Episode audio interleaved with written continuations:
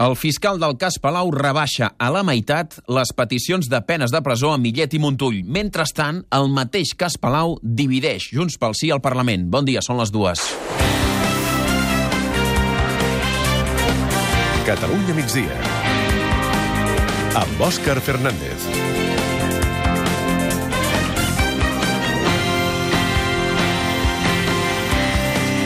El Parlament ha aprovat aquest migdia demanar al govern que persegueixi Convergència Democràtica pel suposat finançament irregular del cas Palau. La petició de la cambra ha dividit Esquerra Republicana i el PDeCAT. Finalment, el PDeCAT s'ha abstingut i en canvi ha unit tota l'oposició.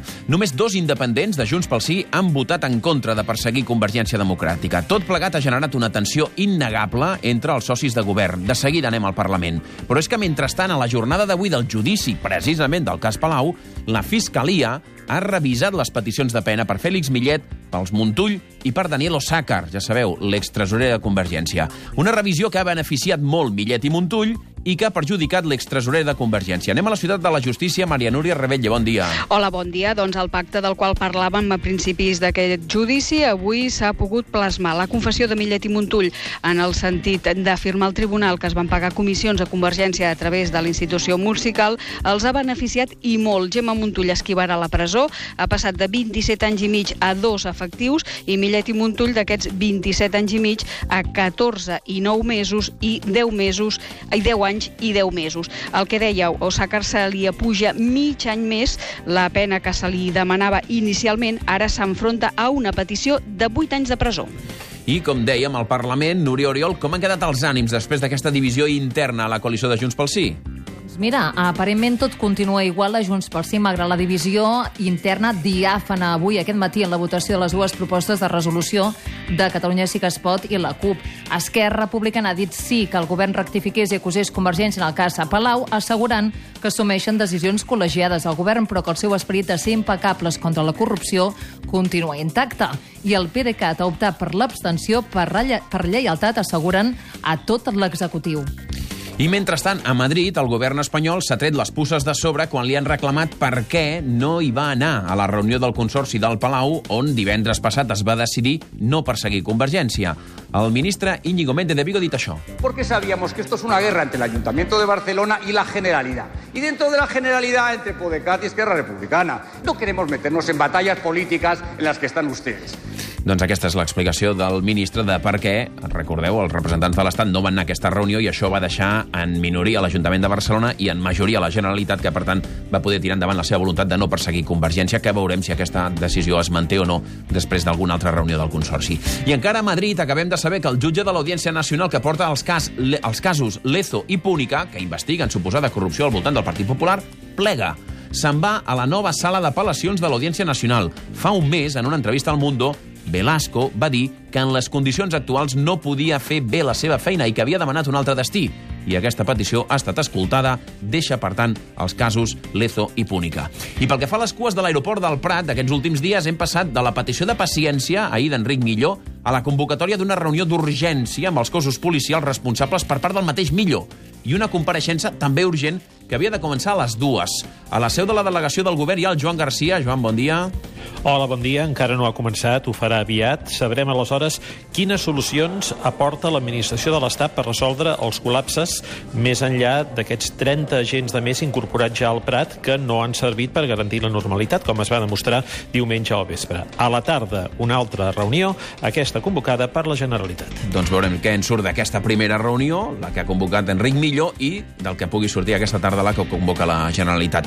Per si de cas, aquest matí Mariano Rajoy ha donat a entendre que als catalans els hauria de preocupar més la vaga del metro de Barcelona que no pas les cues de l'aeroport del Prat. Y haremos un seguimiento semanal para que las cosas vayan bien en el futuro. Ahora, puestos a decir cosas, podrían hacer lo mismo también en el metro de Barcelona, para no echarle la culpa siempre de lo que sucede ese concepto jurídico indeterminado que usted llama Madrid.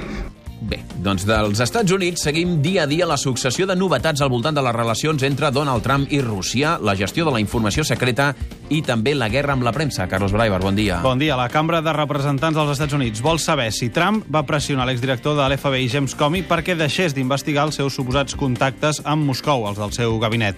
Per això ha demanat tota la informació que la Policia Federal tingui de les converses entre Trump i Comey. I per la seva banda, Vladimir Putin ha dit que, si cal, ell li passa al Congrés i al Senat dels Estats Units les converses enregistrades entre Trump i el seu ministre d'Exterior, Sergei Lavrov, perquè quedi tot ben claret.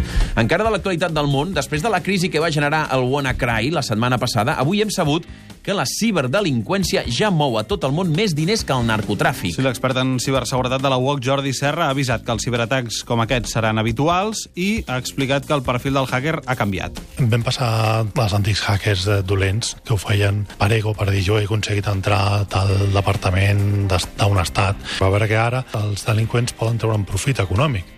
També tenim nou capítol en el cas del guàrdia urbà calcinat al maleter del seu cotxe. Arran d'aquest cas, es reobriran altres casos on van intervenir els implicats per analitzar les seves intervencions. En un d'ells, per exemple, hi va morir un manter. De l'actualitat avui, eh, de la cultura, Comença el Festival de Cannes amb el glamour habitual i moltes mesures de seguretat. És la setantena edició del Festival de Cinema, podríem dir, més important del món. Durant 12 dies s'hi veuran les pel·lícules de directors com Todd Haynes, Sofia Coppola, Francis Ozon o Michael Haneke, i s'hi esperen celebritats com Julianne Moore, Nicole Kidman, Dustin Hoffman, Joaquin Phoenix o Mònica Bellucci. I a més a més, ja sabeu, quan passin 5 minuts de dos quarts serà el moment de l'actualitat del territori. Comencem a Girona, Fèlix Martín. L'Associació Turística d'Apartaments de Catalunya troba bé que es limiti l'augment d'habitatges d'ús turístic al barri vell de Girona i anima els veïns que denunciïn els que siguin il·legals o bé provoquin problemes. Ara n'hi ha 256. Creuen que és un nombre baix, que hi ha marge per créixer i fer-ho correctament. Anem ara a Tarragona, Ricard Boigas. Tarragona i Miami tanquen un acord per impulsar el turisme. L'alcalde de Miami, Tomàs Regalado, de visita a la ciutat, ha dit al Catalunya el dia Tarragona de Catalunya Informació que als Estats Units hi ha una nova onada de persones interessades en buscar destins vinculats al patrimoni històric com Tarragona. Ara anem a Lleida, Noelia Caselles. Set anys de presó per a l'empresari de Bellpuig que va matar el seu gendre a trets. És l'acord a què han arribat l'acusació i la defensa i que es firmarà la setmana que ve. L'home, de 85 anys, és a la presó des del moment del crim, ara fa un any. I acabem a Barcelona, Quim Balaguer. El conseller de Salut està convençut de les possibilitats de Barcelona per acollir l'Agència Europea del Medicament. Antoni Comín ha dit avui al Parlament que la candidatura que presentarà la capital catalana serà imbatible.